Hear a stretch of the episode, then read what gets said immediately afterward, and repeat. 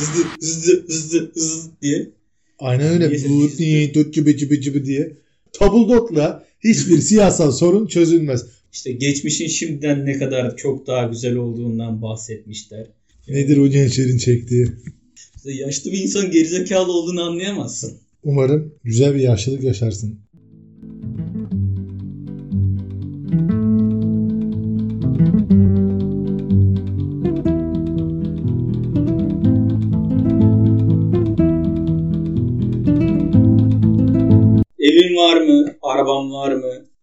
Üstüme mi yapacaksın üstüne yap. Neler yaptın? Neler başardın? Ya toplumun beklentisinden başka kendi iç sorgulamalarından da devreye giriyor. Gençken kurulan hayaller, yaşlanma korkusuna geri döndüm bu arada. Hayal kırıklıkları, yenilgiler, sorumluluklar. Ne yaptım, neyim, ne anlıyorum hayattan, ne alıyorum hayattan, neleri kaçırıyorum. Yavaş yavaş ben de hissetmeye başladım böyle otururken. Gençken mesela şey yok ya. Kalkarken "Üms" diye falan sesler çıkarmaya başladık yavaştan. Ya Ha, Gel, yeri gelmişken söyleyeyim tam o dediğin şeyi. Şöyle bir şey var. Evet şimdi bu yaşlanmayı şeye de bağlıyorlar. Onu da buradan hem sana tavsiye edeyim hem dinleyenlere. Vücudun hareket kabiliyetinin azalmasının yaşlanmayı hızlandırdığını iddia ediyorlar. O yüzden bu stretching hareketlerine falan çok önem veriyorlar. İşte yoga, meditasyon olaylarında. Ben de ona birazcık inanıyor gibi oldum. Evet. Esneme kabiliyetin azaldıkça vücudun yaşlanma şeyi artıyormuş. Haberin olsun. O yüzden bol bol esne Erkay'cığım. evet dinleyenler hepimiz bir sonraki pro- programda yoga yapacağız. Aynen. Bir, bir sonraki programımızı yogaya ayırıyoruz. Korkulan şey herhalde biraz da o. Iskartaya çıkartılıyorsun ya. ya duranlaşma başladığında yaşlanma başlar diyebilir miyiz? Diyebiliriz tabii ki. İşte ama dediği gibi işte o duranlaşma olduğu zaman da ya toplum tarafından dışlanmayla ıskartaya çıkma. Mesela işte şey var yaşlıların toplanma noktası, meeting point'i, kahvehaneler. yani yaşlı yaşlı gidip şeyde orada gidip bulabiliyor. Beraber t- tansiyon ilacı partileri yapıyorlar. İşte o sen ne kullanıyorsun işte Norvax mı? Bak bende çok güzel şey var işte. Biloxer. İçer misin? Değiştirelim mi? Aynen. Merhaba hanımefendi. Sizin de şeker, insülin alalım mı? Birbirlerini duymuyorlar belki ama bir kısmı işitme cihazı düşmanı. evet evet. Takmıyor ama ne oldu ne bitti ama işte orada çünkü ona sosyalleşebiliyor. Yani çünkü sosyallik alanı da çok kısıtlanıyor. Evet dışlanmaktan dolayı kimse Hem dinlemeyi bekmeyince. Hem arkadaşlarının yarısı ölmüş. Sen çok yaşadın dayı diye. Ya bir kısmı var. Onların içinde şimdi farklılıklar var. İşte cami çetesi var. Onlar diğerlerini şey yapıyor. Evet ya 70 yaşında hala adamı şey diyor ya Cuma'ya niye gelmedin diyor. Ya adam yani yarın bir gün gidecek zaten. Gelmemiş adam 70 sene gelmemiş hani bırak bu saatten sonra. Yorum geldi bu arada biz. Geçen hafta huzur evlerinden bahsede, bahsettik. Hı hı. Yaşlılardan falan bahsettik. Yani orada biraz da haklı bir eleştiri de geldi. Yani o huzur evinin altyapısına göre de çok değişebilir. Yani yaşlıların bir arada olması zaten bu manada çok faydalı olabilir. Çünkü dışarıda şehirde arabayı hızlı kullanıyoruz. Bir yere yetişmeye çalışıyoruz. Yani ne kadar yavaş bir şehir olursa olsun biz şimdi Fethiye'deyiz. Yine de onlara göre hayat hızlı akıyor. Yine mi ifşa olduk ya? Ben istiyorsan. Ben Ankara'dan İstanbul'a ilk gittiğimde bir de Ankara'dan gelmişim düşün. Görkem diye bir arkadaş vardı. Benim Ankara'dan arkadaşım. İlk onun yanına gittim. Ya ilk tepkim bu insanların ne acelesi var İstanbul'da. Yani yaşlı bunu tüm hayatı boyunca ben tabii o zaman daha 23 yaşında 10 sene 11 sene önce 10 sene önce işte bir iki hafta sonra ona ayak, ayak uydurabildim. Ama yaşlı bunu sürekli yaşıyor. Ona ayak uyduramıyordu. Evet. Sürekli bir dışarıda bir şey var. Annem geldi işte evi tuttuk. Ben bir ay kalacağım diyordu İstanbul'da. Hani Kadıköy'den vapura bineceğiz. Beşiktaş'a geçeceğiz. Daha 15 dakika var vapurun kalkmasına. Baktım annem gözden kayboldu. Millet de koşturuyor orada. Hani herkes oturacak yer arayayım derken hani o hani ben kalkıyor zannettim dedim. Hani ne yapıyorsun? Ne diyorsun deyince yani işte otobüse hızlı binmek gerekiyor. Merdivenden Metrobüste kapıyı denk gerekiyor. getireceksin. Metrobüste kapıyı denk getiremezsen binemiyorsun. Tabii benim ilk- Saatlerce. Ben zaten Zincirlikuyu'da çalışıyordum. Daha ilk defa metrobüse bineceğim. Yani nasıl becerdim onu bilmiyorum. Çünkü bir taraftan da işte telefonla konuşuyordum. İçeriye girdim. Hani kapının tam orada durmuşum bir şekilde. İçeriye girdim. Hani oturacak yer bakıyorum. Sağa baktım boş. sola baktım boş. Sağa baktım dolmuş. sola baktım dolmuş. Arkadan insanlar beni ittiriyor. Yani yaklaşık 3-4 saniye içinde. Sonra onu ayarlayabilmiştim. İşte marketten alışveriş yaparken hızlı alışveriş yapmak gerekiyor. Hayat zaten onlardan hızlı akıyor. Evet algı da değiştiği için, algılar da yavaşladığı için buna işte e, ayak uyduramıyorlar.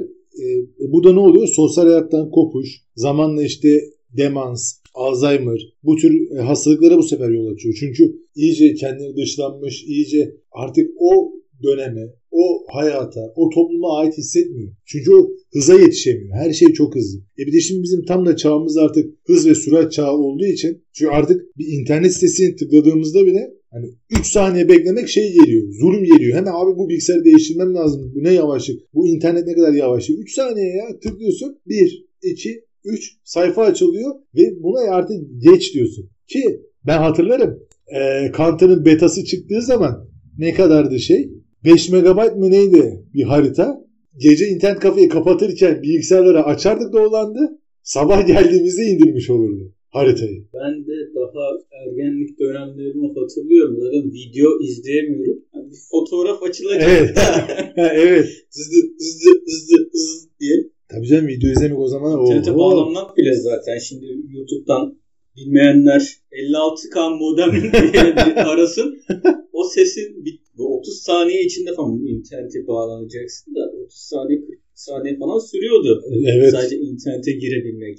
Aynen öyle. Bu diye cıbı cıbı cıbı diye. İşte yaşlanıyoruz herhalde. Geçmişten böyle Abi şöyle bir şey var işte. Mesela e, biz bunu seninle bizim programlardan birinde mi konuşmuştuk yoksa büyük resim kursunda mı konuşmuştuk? Şöyle bir şey var. İnsanların genel olarak problemi algısıyla alakalı da şöyle bir şey var.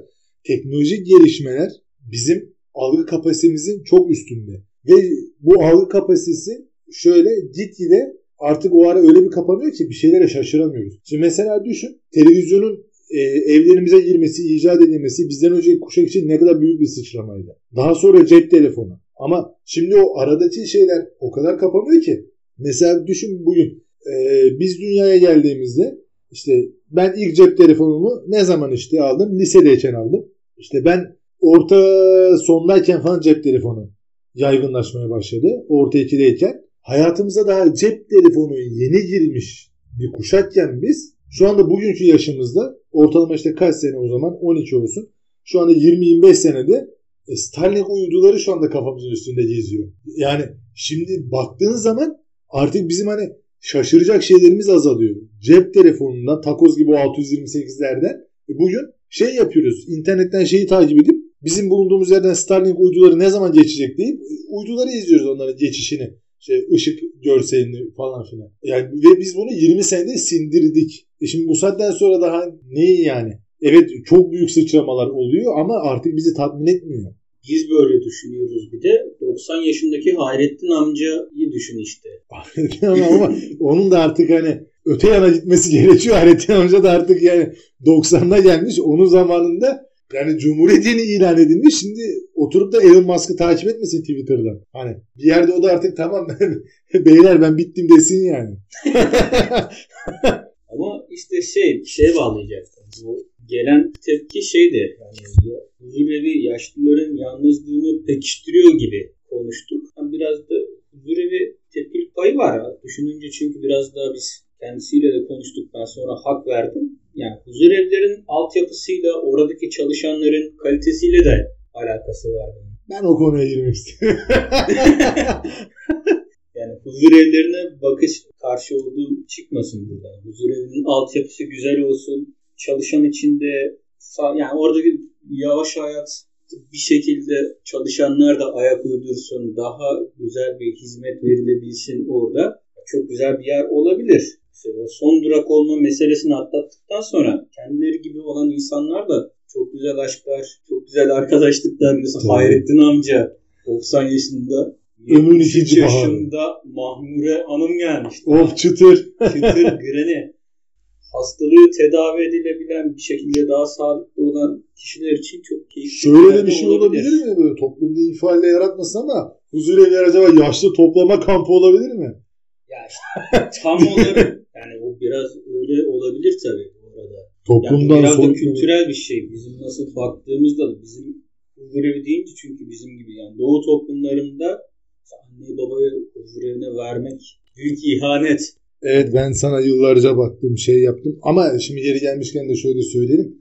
Ee, ben espri yaptım. Şu anda mesela nerede olduğunu söyleyeyim de iyice talep artmasın. Bir iki tane bir huzurevi var şeyde Türkiye'de. Geneli artık huzurevlerinin yani o eski e, arenada sıcağı sıcağına da gördüğümüz şeyler gibi değil. Huzurevleri öyle işte yaşlı dövülüyor işte berbat odalarda falan öyle değil. yani iki kişilik odalarda kalıyorlar işte hemşireleri var ambulansları var usu busu. E, iki tane şey huzurevi var Türkiye'de mesela şu anda 20 yıllık sıra var şeyde huzurevinde.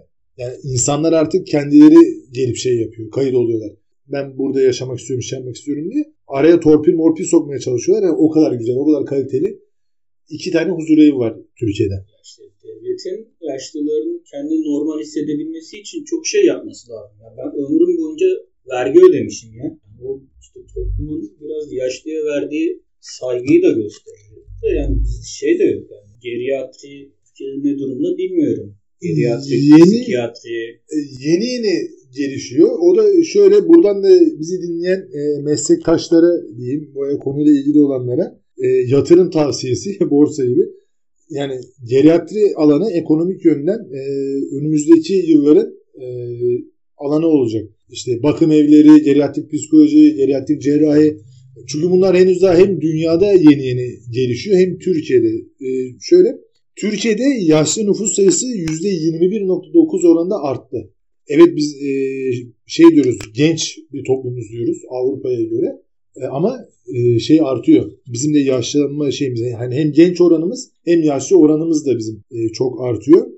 Dünyada da şöyle 2050'de dünyada yaşlı oranı yaklaşık %17 artarak 1.6 milyar kişi olacak. Şimdi bu yaşlı şeyini de şöyle söyleyeyim. Dünya Sağlık Örgütü'ne göre 45 ile 59 yaş arası orta yaş olarak geçiyor. 60 ve 74 yaş arası genç yaşlılık, 75 ve 89 ileri yaşlılık, 90 ve üstü ihtiyarlık. Bu şekilde e, ayırmış Dünya Sağlık Örgütü.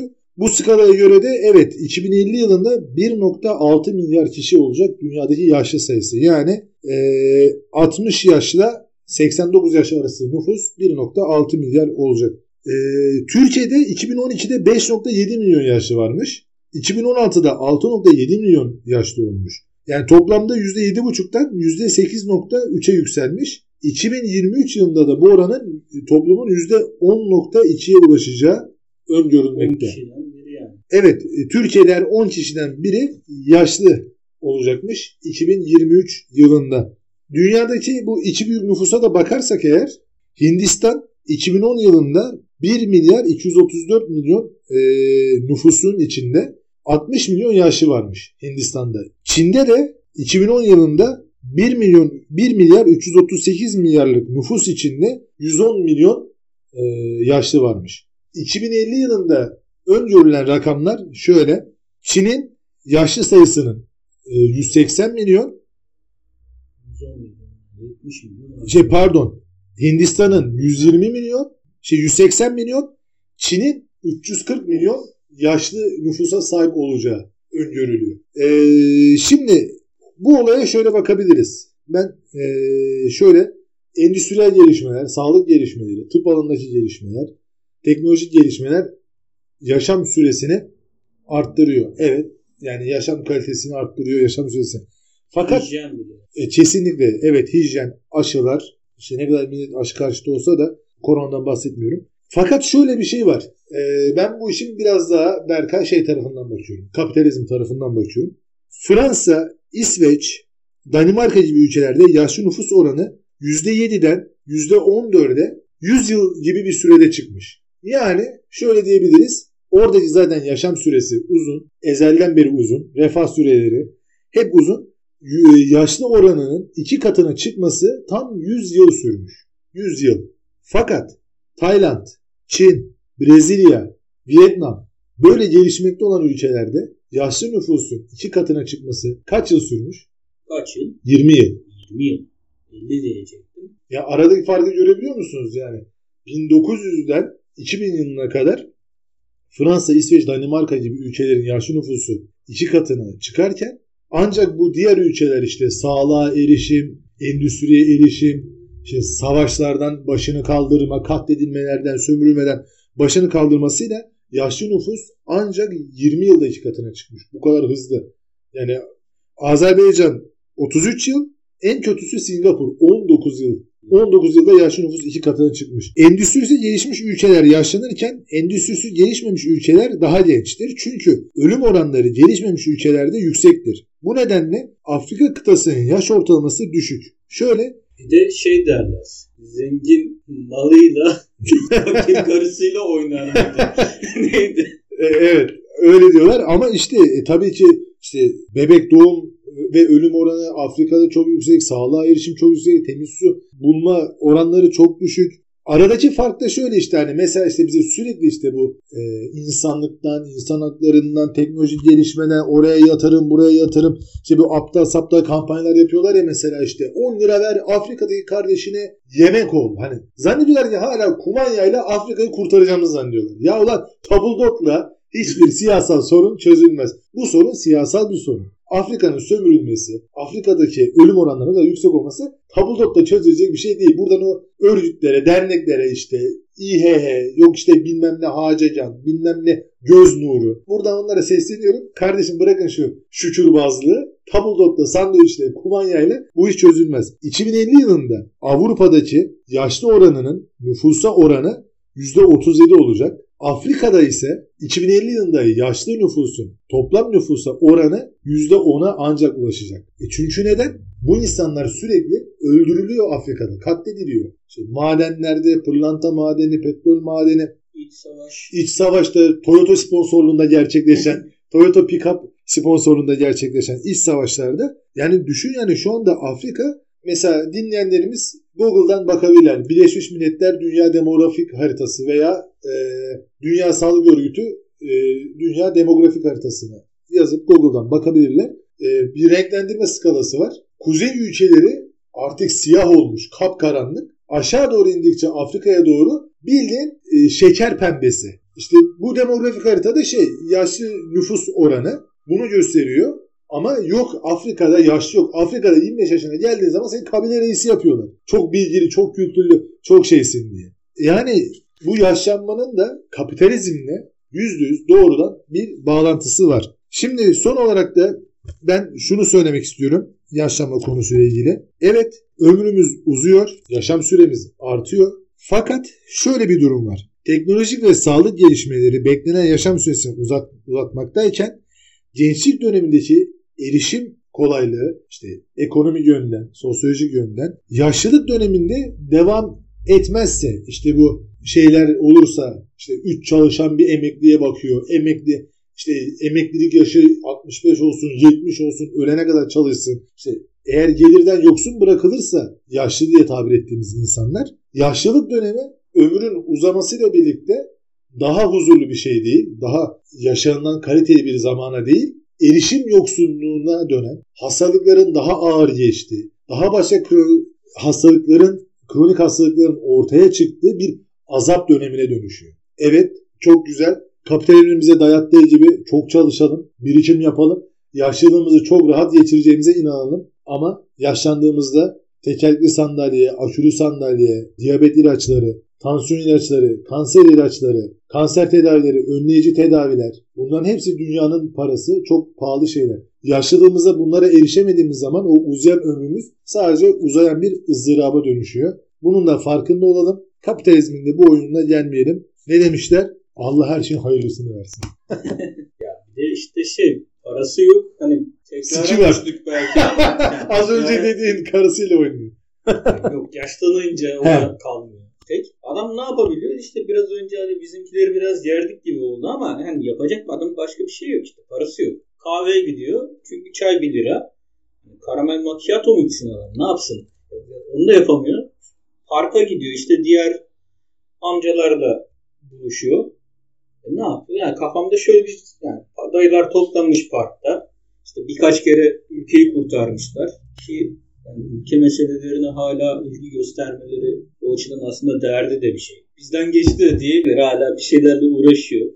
İşte geçmişin şimdiden ne kadar çok daha güzel olduğundan bahsetmişler. İşte gelip geçen gençleri huzursuz edici bakışlar, negatif mırıldanmalarla rahatsız ediyorlar. Kare Gençlik gibi saç uzatmış. Dünya nereye gidiyor? Ya şey var ya Sümer tabletlerinde var. Yani yaşlı bir adam gençlik bozuldu dünya nereye gidiyor diyor ya bundan 2500 yıl önce. Nedir o gençlerin çektiği? Ne yapacak adam? Bilgisayar açıklamayı bilmiyor. Yani babam da öyle mesela. Borsadan, telefondan borsadan alım satım yapan adam uygulamayı açıp IBAN'dan para yollamayı beceremiyor ama. Yani o biraz da kabul birçok şeye hakim ama Google Chrome'u açamıyor.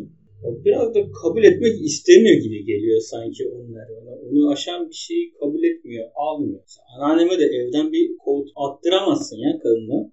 hani o hem biraz fakirlikle de büyümekle de ilgili. Ben belki de şey yani kendiyle özdeşleştiriyor belki o koltuğu, o eski koltuğu ondan attırmıyor olabilir. Yani bunu şey de olarak, umut eğitimi olarak da açıklayabiliyor. Ya gençken kandırdılar. Hayat güzel olacak. Derslerini geçersen şöyle olacak. Büyüyünce çok güzel hayat yaşayacaksın. Bir yaşa gelince koca bir yalan olduğunu gördük. Hani okula gidelim, ders çalışalım, bir mesleğimiz olsun, çok çalışalım. Hani Bernard Russell da diyor ya çalışmak sandığınız kadar büyük bir erdem değil. Arbeit macht frei. Çalışmak özgürleştirir. Buradan da epey bir nazeleri andık bu bölüm. Evet. Bir dahaki programımızı nazilere mi ayırsın? bir nazi konuk alalım. Yani mesela gençleri böyle kandıramıyorsun. Biraz şeyden mutluluk bölümünde falan da bahsettik ya onu. Başka motivasyonlar lazım. Cumhuriyet döneminde mutlu yarınlar içinde ama şimdi biz ya da gençler mutluluğu şimdi istiyoruz. Fedakarlıklar yapalım. Yani hayatımızda bir devrime adayamıyoruz. Yani devrim olacaksa da şimdi olsun. Evet. Yani Maalesef. şimdi de şey var. Influencer'lar var. Neye ender, önderlik ediyor falan bilmiyorum. Bir şeyi öğreneceksin, arzu edeceksin, artunun peşinden gideceksin. İşte burada dediğimiz gibi o zaman duranlaşma başladığında yaşanma da başlıyor işte artık. Bir şeyleri öğrenmek istemeyinde bir şeylerden kendini soyutladığında işte dediğim gibi bu beni aşıyor deyip de o reddetme şeyine girdiğin zaman öğrenmek yerine demek ki orada diyebiliyorsun ki yaşlanma artık başlıyor. Peki şey var bir de yaşlanınca çocuklaşıyorlar falan dedik. Hani bir insan yedisinde neyse yetmişinde de odur diye bir laf var ya. Ya evet o, o biraz da aslında işte şey e, belki başka bir programımızda konuşacağımız karakter doğuştan mı gelir yoksa sonradan mı kazanılır? Onunla alakalı bir şey. Bir bakıma doğru 7'sinde neyse 70'inde o olacağı ama bir bakımdan da yani ön yargı kalıbı gibi bir şey oluyor. bu. O bana biraz da şey geliyor ya. Mesela yaşlılık ikinci çocuklukta derler ya. Yani o da biraz yalan geliyor. Yani yaşlanınca büyüdüğünü kanıtlama ihtiyacın yok çünkü. Yani utanmanı gerek, gerektirecek bir durum da yok. Abi yaşlanınca hani sana deli desinler ya da bunak derler. Yaşlı bir insan gerizekalı olduğunu anlayamazsın. yani çünkü yaşlılıktan denir ona. Ya evet işte öyle olduğunda işte toplumdan dışıyorlar o zaman işte şey yapıyor. Hayatla ilgili gereksiz hırslarından arınmışsın böyle. Just do it şeklinde yaşıyorsun. İşte o zaman işte çocuklaştın diyorlar işte. Diyorlar ki ulan 70 yaşında adam hani dünya sikine minare götüne yaşıyor diye adama şey yapıyorlar hani böyle. Hani diyorlar ya ulan hani birazcık ağır ol şey ol falan diye ama işte ondan diyorlar çocukluk diye. İşte aslında keşke çocukluk olsa da o zaman işte yaşlanmayı birazcık yavaşlatmış olurduk. Durağanlaşmada başlayınca falan diyebiliyoruz dediğin gibi aslında bu BSÖ'nün falan tanımları bana çok şey gelmiyor çünkü ya mesela karşıda bir kum yığını görüyorsun. Ne alaka diyeceğim? Bağlayacağım. İnşaat. Evet. Gidip o kum yığınının içinden bir kum taneciği alıyorsun. Yani yerine geldiğinde yine bir kum yığını var. Demek kum yığınının eksilmesi için matematik yani yığının kum yani o kum yığınından kum tanesinin eksilmesi yığının yığın olmasını değiştirmiyor. Öte yandan ne kadar büyüklükte bir kuma bakınca bir yığın ifadesini kullanabiliriz. Yani illa bir alt sınırı olacak. Matematiksel olarak çünkü bir alt sınırı olması lazım. Ama yani bir kum yığını ne zaman kum yığını olmaktan çıkar? Bir insana ne zaman kel diyebiliriz? Saat kaçta Bakan geç olur? Bakan değilse kendiyiz. net ifadelerden bu dil içerisinde sık sık başvurduğumuz bu net ifadelerden biraz bizi uzaklaştırabilir işte yani. Hal, mantık çünkü bize bir şeyden bir şey çıkması neticesinde miktarın azaldığını, onun eskisinden daha az olduğumuzu söyler ama yani bu tarz mantık yargılarımızı kapsayabilecek kadar faydalı bir araç değil. Yani yaşlı nerede yaşlı? İşte o yüzden. Yani tam eksik bir sınırı yok onun. Evet. Hani kime yaşlı diyebiliyoruz. Ekonom Goldberg diye bir abimiz var. Bir kitap yazdı. Güzel sattı o dönem. Yakın zamanda. Bilgelik paradoksu diye. Onda şey diyor yani beynimiz 60 yaşından sonra her sene ortalama %4 küçülüyor. Yani beyin hacimsel olarak ufalıyor ama hala etrafına göre en doğru kararları vermeye devam ediyor. Yeni fikirler üretiyor. Gençlere bir söz söyleyince onlar kendilerini aydınlanmış hissediyorlar. Küçülüyor ama beyin hala nasıl böyle diye soruyor, çalışıyor diye sorunca da işte o bilgelik Zipleniyor. paradoksu çıkıyor. Bence zipleniyor öyle. Hacim olarak küçülüyor ama sanki zipleniyor gibi geldi bana. Ya biraz öyle. Hastalık ne kadar bazen hastalık diye de tanımlansa da yaşlılık doğal bir süreç. Bunun elbette bir belirtileri olacak. Yeni bir şey öğrenme, hızlı işlem yapabilme kapasitesi zayıflıyor ama parça parça bilgileri birleştirip onlardan büyük anlamlar çıkarabilme, doğruyu yanlışı daha iyi görebilme anlamında bilgelik artıyor. Öğrendiklerinden, yaşadıklarından bağlantı kurarak sonuçlar çıkarabilme, yeni ve orijinal sentezler çıkarabilme konusunda insanlarda diğer canlılarda olmayan kadar üstün bir becerisi var yaşla beraber gördüğümüz.